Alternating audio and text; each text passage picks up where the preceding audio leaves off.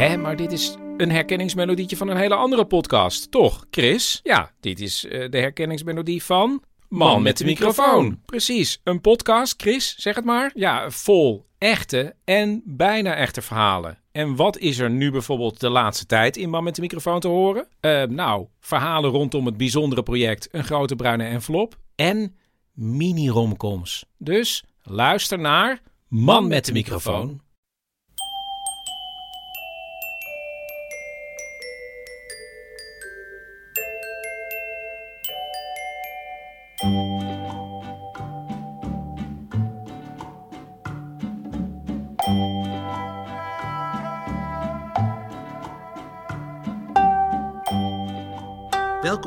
Aflevering 180 van de Echt Gebeurd podcast, waarin waargebeurde verhalen worden verteld door de mensen die ze zelf hebben meegemaakt.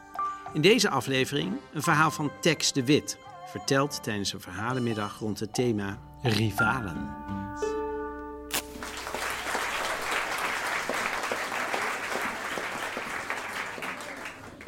Ik zat op de basisschool in Amsterdam Noord en het was een school waar het er hard aan toe ging. Het was eigenlijk alleen maar vechten er was ook steeds uh, kijken wie het sterkste was. Er was in groep 4 was er letterlijk een ranglijst van mensen hè, op basis van sterkte. Met één Davy, twee Donny, drie Barry, vier Ricky. En ik dan een beetje onderaan. Ik was ook de enige zonder een Y in mijn naam. Maar uh, het was... Ik hield er niet van. Ik was meer van het afweren. En die kinderen in mijn klas, die wonen ook in mijn straat. Dus er was echt geen ontsnappen aan. Altijd. dus ik vond groep 4 heel stom. Dus ik was ook heel blij toen op mijn achtste, toen ik ging spelen bij een vriendje aan de andere kant van de stad. En die nam mij s'avonds mee naar de schaakclub. En ik wist niet wat ik zag, want er werden ook gewoon duels uitgevochten. Maar dan uh, mentaal. Dus op het schaakbord. Dat vond ik prachtig. En ik kwam ook die avond thuis en ik zei tegen mijn ouders: Ik wil op schaken. En dat mocht. En dat vond ik heel lief. Uh, want ze moesten me elke maandagavond helemaal naar de andere kant van de stad brengen. En weer ophalen, 12 uur s avonds. Uh, maar dat mocht. En ik, ik vond in die schaakclub echt, het was voor mij een oase. Dan vond ik zielsverwanten. Uh, het waren kinderen, maar ook pubers of studenten of zelfs volwassenen, want dat maakt bij schaken niet uit. Het is niet zoals met boksen dat heel oneerlijk is. Nee, bij schaken is eigenlijk iedereen gelijk. Want fysiek doet er niet toe. En ik, ik vond het fantastisch. Dus ik, ik ging ook, ik vond het mooie aan schaken vond ik ook, je duikt erin. Je vergeet even een paar uur alles, want je bent echt alleen maar daarmee bezig. En ik kan ook wel zeggen dat schaken mijn jeugd heeft gered, denk ik wel. Ik ging ook steeds meer schaken. Ik werd er ook steeds beter in. Ik werd e-, eerst na een paar jaar de beste van de club. Toen de beste van de stad. En een paar jaar later de beste van de hele wereld. Nee, dat is niet waar. Maar ik... Uh, een beetje in de landelijke subtop gestrand. Uh, top 200, top 100 uh, van Nederland. Want als je echt, echt de beste wil worden, dan moet je er alles voor laten. En dat vond ik ook weer een beetje te ver gaan. Dus, maar uh, het ging wel goed en uh, ik, ik, vond het dus, ik vond het heel leuk. Soms ik vond het ook leuk om als kindje mee te doen aan volwassenen toernooien. En dat je, was ik 12 of 13 en dan won je 50 gulden. En dan ging ik schaakboeken kopen, zoals ik dan ook weer gewoon meteen door investeren. En uh, ik weet, voor die volwassenen was het niet leuk om van kinderen te verliezen. Weet ik inmiddels als volwassen man uit eigen ervaring. Dat is verschrikkelijk. Dan zijn ze opeens niet zo schattig meer. Maar ik, ik, ik, ik ben gewoon gaan studeren, werken, trouwen, kinderen maken. Je kent het wel.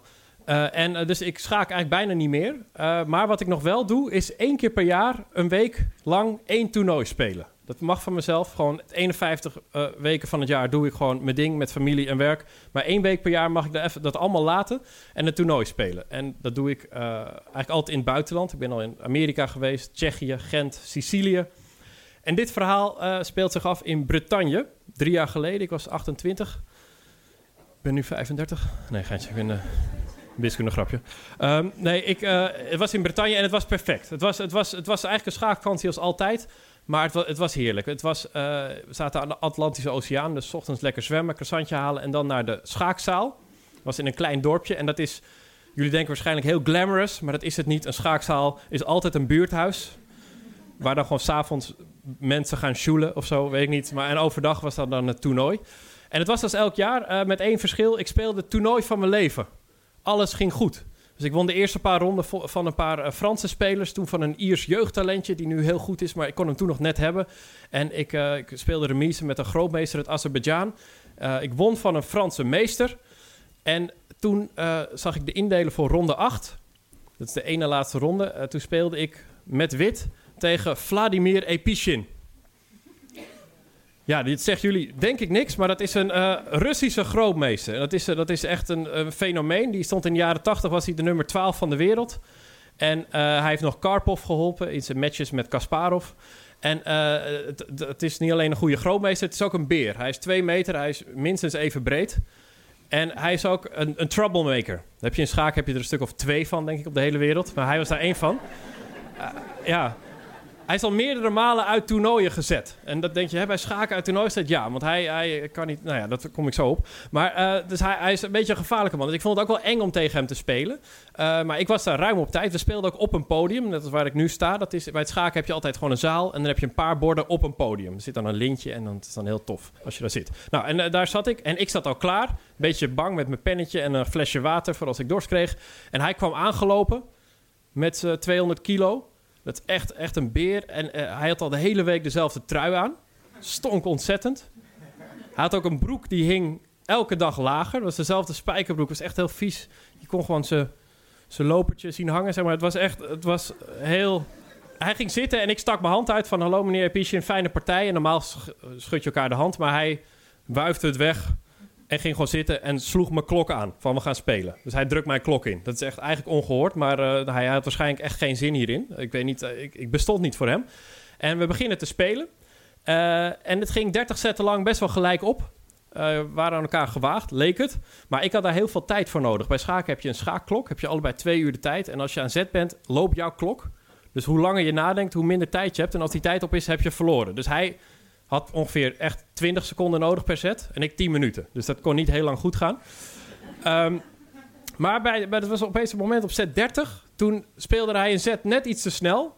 En toen, toen hij die klok indrukte, zagen zowel hij en ik van hij heeft hier een fout gemaakt. Ik kan namelijk remise maken. Remise is gelijkspel, zou fantastisch zijn. Dus ik speel mijn paard naar D4. En hij zou die moeten slaan en dan wordt het een gelijkspel. Dus meteen klaar. Maar hij gaat denken en denken. En ik dacht, wat, denkt die man in godsnaam over na? Uh, en na 20 minuten doet hij een andere set. Hij slaat een paar niet, maar speelt zijn toren naar H5. Nou, je hebt het niet voor je, de stelling. Maakt niet uit. Maar hij toren naar H5. En wij weten allebei, dat is complete kamikaze. Dat slaat helemaal nergens op. Dat zou hij tegen een grootmeester nooit doen. Maar hij zegt eigenlijk... Ik heb geen zin in remise met jou. Ik ga iets waanzinnigs doen. Omdat ik denk dat ik toch nog wel van je ga winnen. Dus nou ja, ik, ik had weinig tijd, dus het was wel spannend. Er kwamen ook andere mensen om ons bord heen staan. Dan heb je bij schaken zo kluwe mensen om je heen. Mijn vriendin kwam ook, die kwam mij het nieuw water brengen... want ik had zo weinig tijd dat ik niet meer op kon staan. En, uh, en uh, ik, ik dacht dus, ik, kan, ik moest snel zetten. En hij, eigenlijk met elke set die ik goed deed... ik weet, ik moet nog 20 zetten goed doen en dan win ik. Dus ik bleef tot nu toe goed spelen... En je merkte hem, hij werd een soort vulkaan, dacht ik. Hij werd steeds bozer. Hij begon ook in het Russisch dingen naar me te sissen. Van, ik, ik spreek spreek geen Russisch, maar het werd eng. En hij was checkies aan het draaien, werd helemaal gek. Hij ging ook andere schakers weg te wuiven. En ik, op een gegeven moment zag ik, het is nu in twee zetten mat. Maar ik durfde het bijna niet. Dus ik doe die ene set. Hij schrijft ook die zetten niet meer op, maar hij had gewoon zijn blaadje verfrommeld, zijn pen kapot gemaakt. En hij doet uh, nog een set, slaat keihard op die klok. Hij denkt misschien als ik die sloop is het ook afgelopen. Maar nee, ik had nog set. En nu, ik kan hem dus nu mat zetten. Dus ik echt heel voorzichtig, echt bibberend. Want ik ging ook een heel groot resultaat behalen. Dus ik, uh, loper, D5. En ik druk die klok in. En ik dacht echt, nou, nu kan alles gebeuren. Maar hij, normaal steek je je hand uit, geef je op. Maar wat hij deed is, hij, hij sloeg alles van het bord af. alles. En begint, fuck you, fuck you, fuck you, fuck. Echt twintig keer. En zo'n schaakzaal, ik weet niet of jullie daar eens komen, maar dat is helemaal stil. Er zaten al, allemaal lieve Franse opaatjes te schaken, want het zijn vooral opaatjes. En iedereen keek er echt naar. De wedstrijdleider kwam erbij. Die, zat, die werd ook helemaal... Mon dieu, uh, wat, is dit? En hij, hij staat op. Hij begint tegen mij... Fuck you, fuck you. Hij blijft maar schreeuwen. Ik denk, nou, onderga dit maar even. Het zal wel, weet je. Ik wil geen ruzie. Maar toen draaide hij zich naar mijn vriendin toe. En toen zei hij... En fuck you! En toen... Ik weet niet, er kwam iets bij mij boven wat ik sinds groep 4 niet heb meegemaakt. Dus ik sprong ook op. Ik zei, en, en, toen ging ik voor hem staan. En ik zei, and now I'm gonna fuck you up. Wat een hele trieste zin is ook op dat moment. Ik wou dat ik iets toffers had gezegd. Maar ik maakte me blijkbaar breed en ik had een soort waanzin in mijn gezicht. Want hij schrok en hij deinsde achteruit. Ik wilde ook uithalen. Ik deed zo. Volgens mij in films het gewoon dit. Maar ik ging echt zo... En hij stamt achterover en hij flikkert zo van het podium af. Dus er gaat 200 kilo land. Nou, het podium was zo hoog, maar toch. Iedereen in die zaal keek ook. Dus er valt een beer valt om, zo op de grond. Keiharde klap. En iedereen is helemaal stil. En hij blijft vloekend. Hij stormt die ruimte uit. En toen zeiden mensen, nou, gefeliciteerd, gefeliciteerd. Ik dacht, oké. Ik, was- ik was heel blij vanwege mijn resultaat, maar dit was echt heel krankzinnig. Dus die eh, scheidsrechter die zei, eh, Tex, in het Frans weet ik niet meer, maar hij zei, Tex, loop nog even mee, we gaan nog even naar hem toe. Dus ik dacht, eh, oké, eng, maar goed, dat gingen we doen. Dus wij, wij gingen nog even, ik had uh, dingen ingevuld, gingen we naar hem toe, naar buiten. En hij stond er echt te briezen. En toen zei die wedstrijdleider, meneer Epishin, als Tex nu een klacht indient, dan wordt u uit het toernooi gezet. En toen leek er een soort switch bij hem om te gaan. En hij zei, no, no, no, no, no, no, no, no, no, no, no. En hij pakt mij vast. Hij tilt me voor mijn gevoel op. Hij zet mij achter een schaakbord. En hij zegt, I'm gonna teach you chess now. Ik Oké, dus ik, ik ga zitten. Hij zegt, I'm gonna teach you chess for half an hour. After that, it's okay. You don't file complaint. We are, we are okay. Dus ik denk, hé, wat is dit? Hij zegt, je moet even goed naar me luisteren. Hij ging de schaakdingen laten zien, maar hij zei ook... ik ben opgegroeid in de Sovjet-Unie. Daar kreeg je een uitkering van de staat. Dus de staat betaalde jouw geld als schaker. Maar toen het ijzeren gordijn viel... moesten grootmeesters zoals ik moesten naar West-Europa trekken. Wij kunnen niks anders dan schaken. Wij moeten meedoen aan dit soort toernooien... tegen Nederlandse, Franse, Britse amateurs spelen. Wij moeten altijd winnen. Want als wij niet winnen, hebben wij geen inkomen. Die 1000 euro is voor mij heel veel geld. Daarmee red ik het tot het volgende toernooi. En iedereen is altijd tegen ons. Het is altijd een sensatie als wij verliezen. En schaken is voor mij helemaal niet meer leuk meer.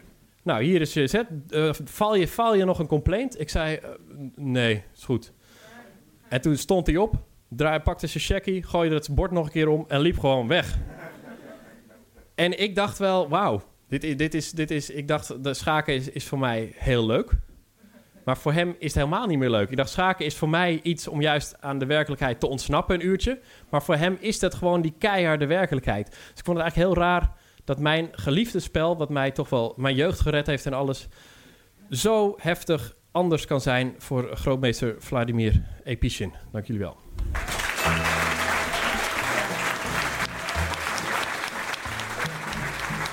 Dat was het verhaal van Tex de Wit. Je zou Tex kunnen kennen van Clickbait en Zondag met Lubach. En op dit moment werkt hij samen met Jonathan van het Reven en Diederik Smit aan een satirisch sportprogramma, getiteld Makkelijk Scoren. Vanaf 10 februari is dat elke zondagavond te zien op NPO 3.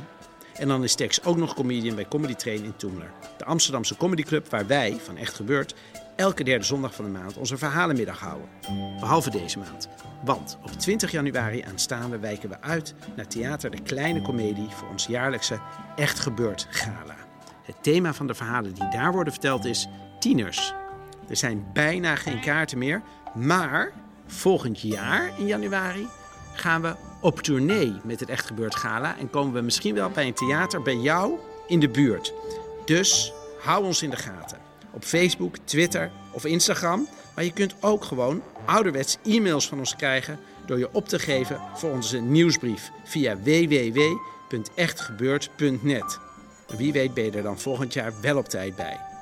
De redactie van Echt Gebeurd bestaat uit Paulien Cornelissen, Rosa van Toledo, Maarten Westerveen en mijzelf, Micha Wertheim.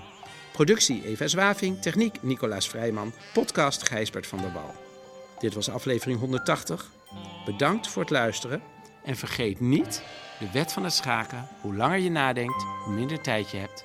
En als de tijd op is, dan heb je verloren.